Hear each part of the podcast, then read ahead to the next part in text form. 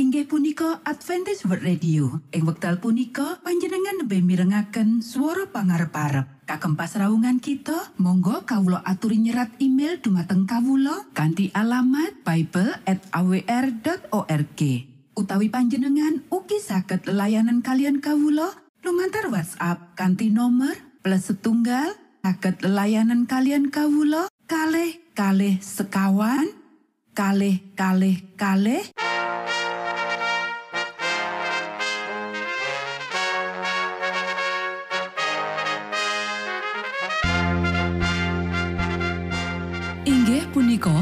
Adventist World Radio ingkang giaran kanthi basa Jawi. Tentrem Rahayu kula aturaken kagem para mitra kinasih ing pundi papan lan panggonan.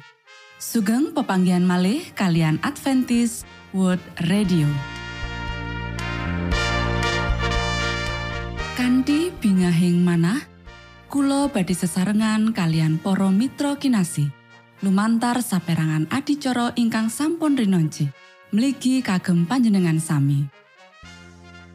Mugi giaran punika saged migunani tuwin dados berkah kagem kita sedaya. Sugeng midhangetaken Gusti amberkahi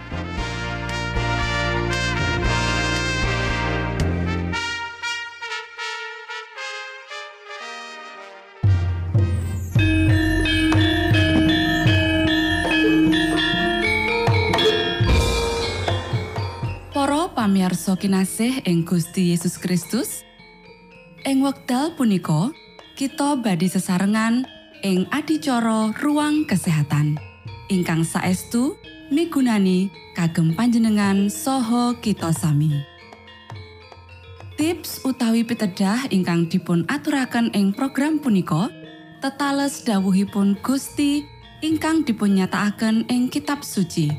Semanten ugi sakehing seratan ingkang dipun wangsitaken dening Gusti Allah. Nanging saderengipun, monggo kita sami midhangetaken kidung pujian.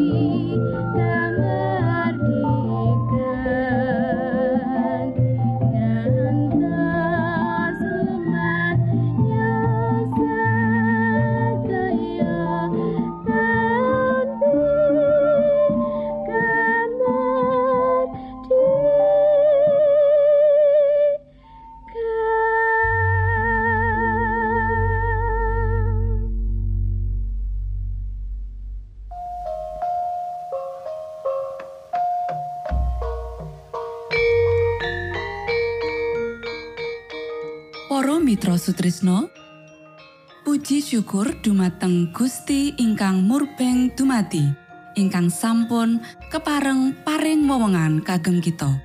Satemah saged nglajengaken ruang kesehatan. Pirembakan kita semangke kanthi irah-irahan. Sengaja nirwakake angger-anggering urip bagian kapindho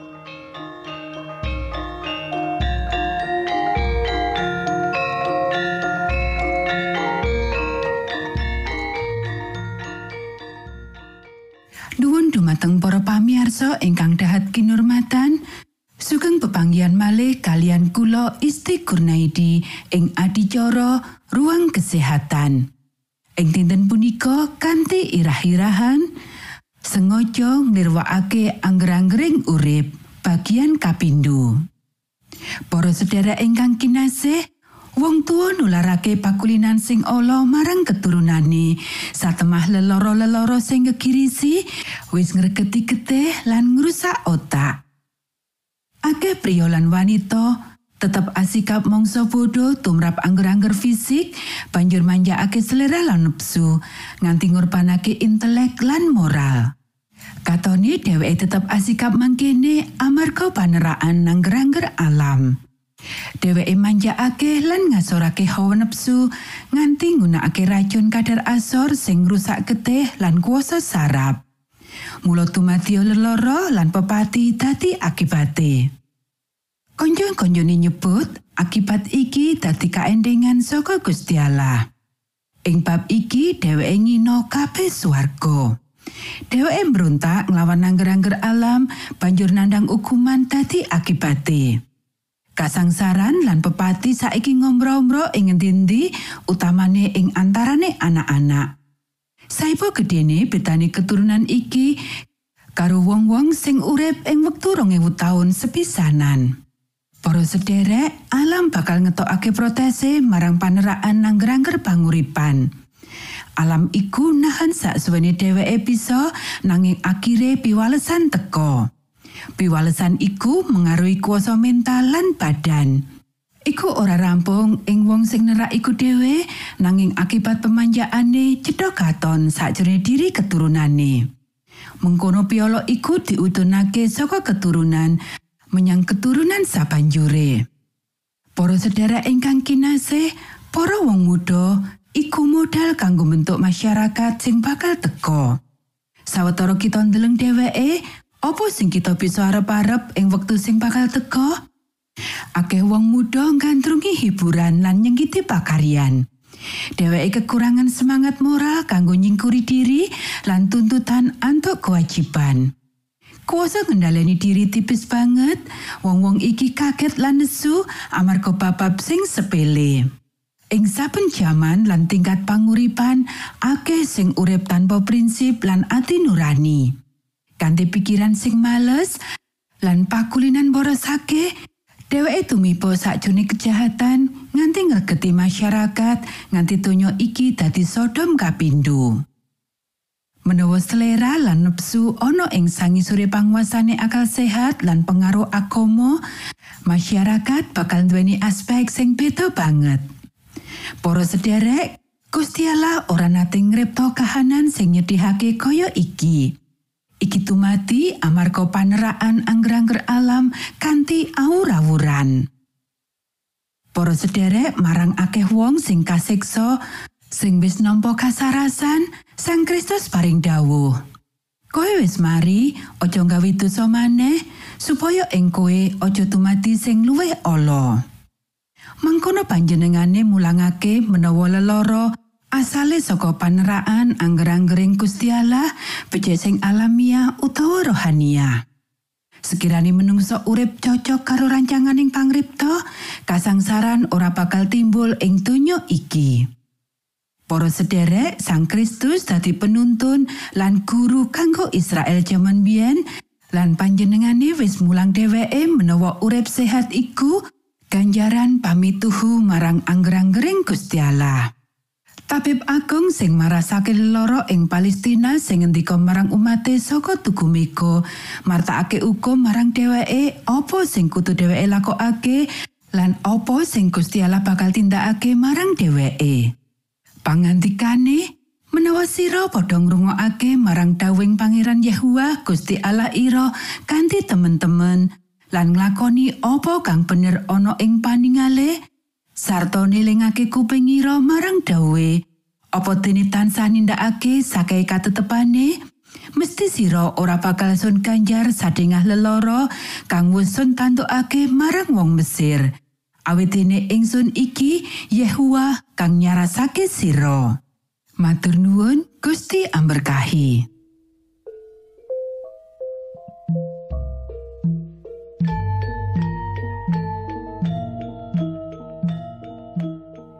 Cekap semanten pimbakan ruang kesehatan ing episode dinten punika. Ugi sampun kuatos jalaran kita badhe pinanggih malih ing episode sak lajengipun.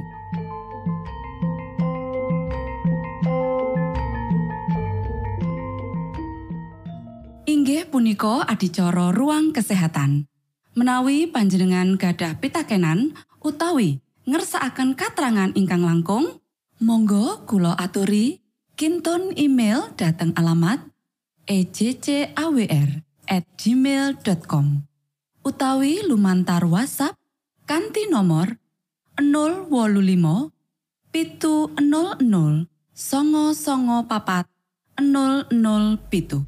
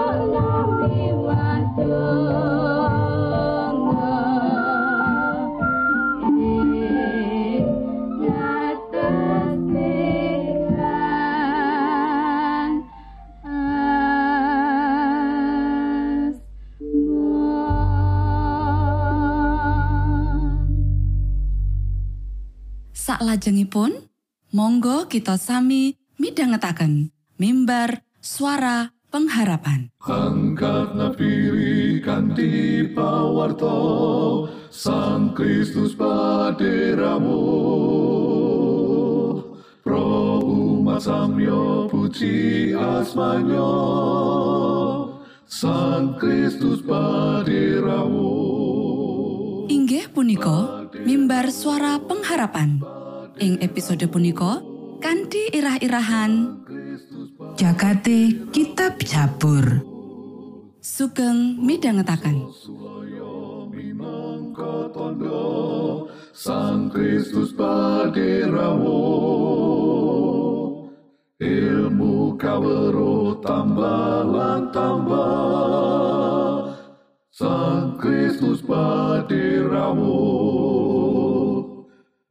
paderamu paderamu Sang Kristus paderamu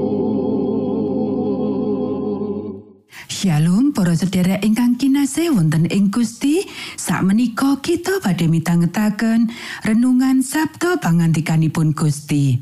Ing dinten punika kanthi irah-irahan Jakate Kitab Jabur Para sedherek ingkang kinasih ayo diwaca kitab Sabur pasal 16 ayat 8 Aku tansah madhep marang Sang Yehua menawa panjenengane jumeneng ana ing tengenku aku mesti ora nganti kego. Sabur pasal petang papat ayat songo. Nanging sapunika kawula sami patuko kipataken sarta patuko kendel kemawon. Kawula sami kawirangan. Patuko boten miyos ngirit lampahing wadya polo kawula. Sabur pasal petang ayat loro. Gusti Allah iku dadi papan pangayoman lan karosan kita. Nyata banget kang mitulungi sakjroning karubetan. Sabur pasal seket pitu ayat telu. Gusti Allah muka karsawa utusan saka ing swarga ngluwari aku lan mirang-mirangake wong kang ita-ita aku. Selah. Gusti Allah muka karsawa ngintonake sih kadarman lan kabenerane. Para sedherek ingkang kinasih, jagate kitab sabur sakabehe punjere ana ing Gusti Allah. Budidaya kanggo masrahake ing pandonga lan pepujen sakabehe pengalaman urip marang Gusti Allah. Gusti Allah minangka pangripta kang kuwasa, jagat lan hakim saindenge jagat. Panjenengane wis nyawisi samubarang kanggo para putrane. Gusti Allah kudu diandelake ing saben wayah. Malah para mungsuhe umating Gusti padha takon, "Allahmu ana ing endi?" Nalika umate Gusti Allah katon gagal. Kita bisa maca ing kitab Sabur pasal petang loro ayat 11. Para sedherek ingkang kinasih, kaya dene Gusti Allah iku minangka Gustine umat kang tansah ana lan tanpa gagal, mangkono uga umating Gusti tansah nduweni Gusti ing ngarepe wong-wong iku. Pungkasane kitab Sabur mayangake nalika sakabehing bangsa lan titah bakal manembah marang Sang Yehwa Allah. Kita bisa maca ing Sabur pasal petang pitu ayat siji lan Sabur pasal swidak papat ayat 10. Para sedherek ingkang kinasih, punjere Gusti Allah ana ing panguripane manungsa. Nuwuhake punjer pangibadah marang Gusti Allah. Pangibadah sing dilakokake para juru Mazmur dasare beda saka pangibadah kang dipahami karo manungsa saiki. Merga pangibadah jroning budaya Alkitabiah minangka punjere alami lan ora bisa diselai ing kabeh urip masyarakat. Mula saka iku, samubarang kang kelakon, becik utawa ala ing panguripaning umating Gusti mesti diwedharake ing pangibadah. Gusti Allah mitangetake juru Mazmur ing ngendi wae lan paring wangsulan ing wektu kang sampurno. Sabur pasal telu ayat 5, pasal wolulas ayat pitu, lan pasal rong puluh ayat pitu. Para sedherek ingkang kinasih, Juru Mazmur mangerteni menawa petalemane Gusti Allah ana ing swarga. Nanging ing wektu sing padha, Gusti Allah ana ing Sion ing papan suci ing antarane umate.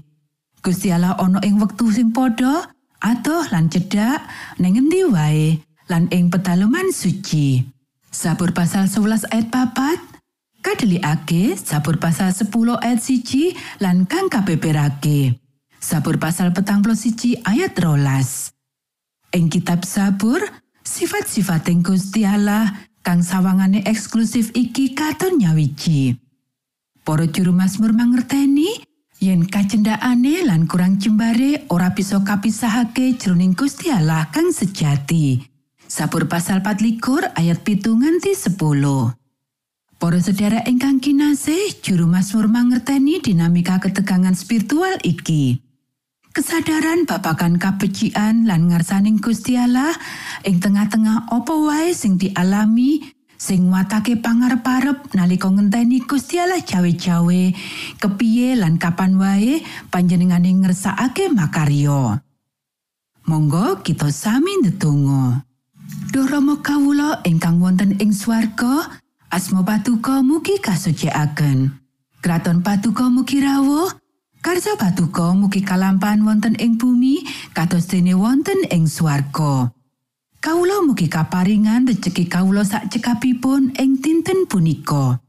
So patuko mugi ngapunten kalepatan kawula kados dene kawula inggih ngapunteni tetiang ingkang kalepatan dhateng kawula. Punapa dene kawula mugi sampun ngantos katantukaken dhateng ing panggoda nanging mugi sami patuko uwalaken saking piawon. Awit dene patuko ingkang kagungan kraton saha wisesa tuen kamulyan salami laminipun. Amin.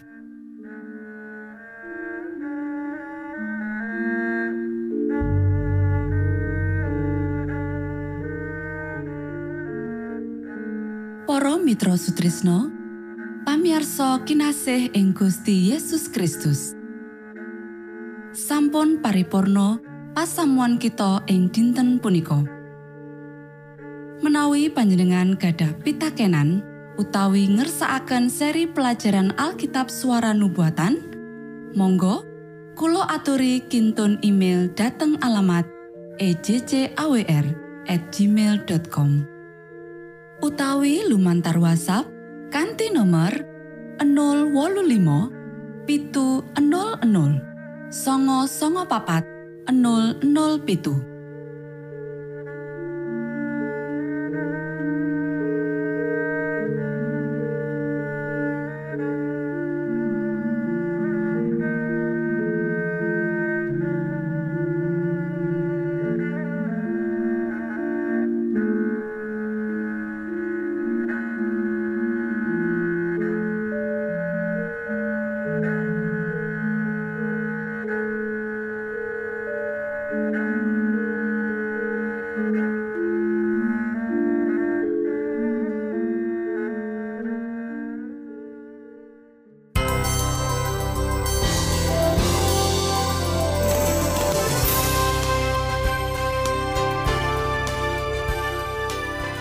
Matur nuwun kagem wektalipun kita badhe pinanggih malih ing gelombang ugi wekdal ingkang sami. Saking studio kula ngaturaken tentrem rahayu. Gusti amberkahi kita sedaya. Maranata.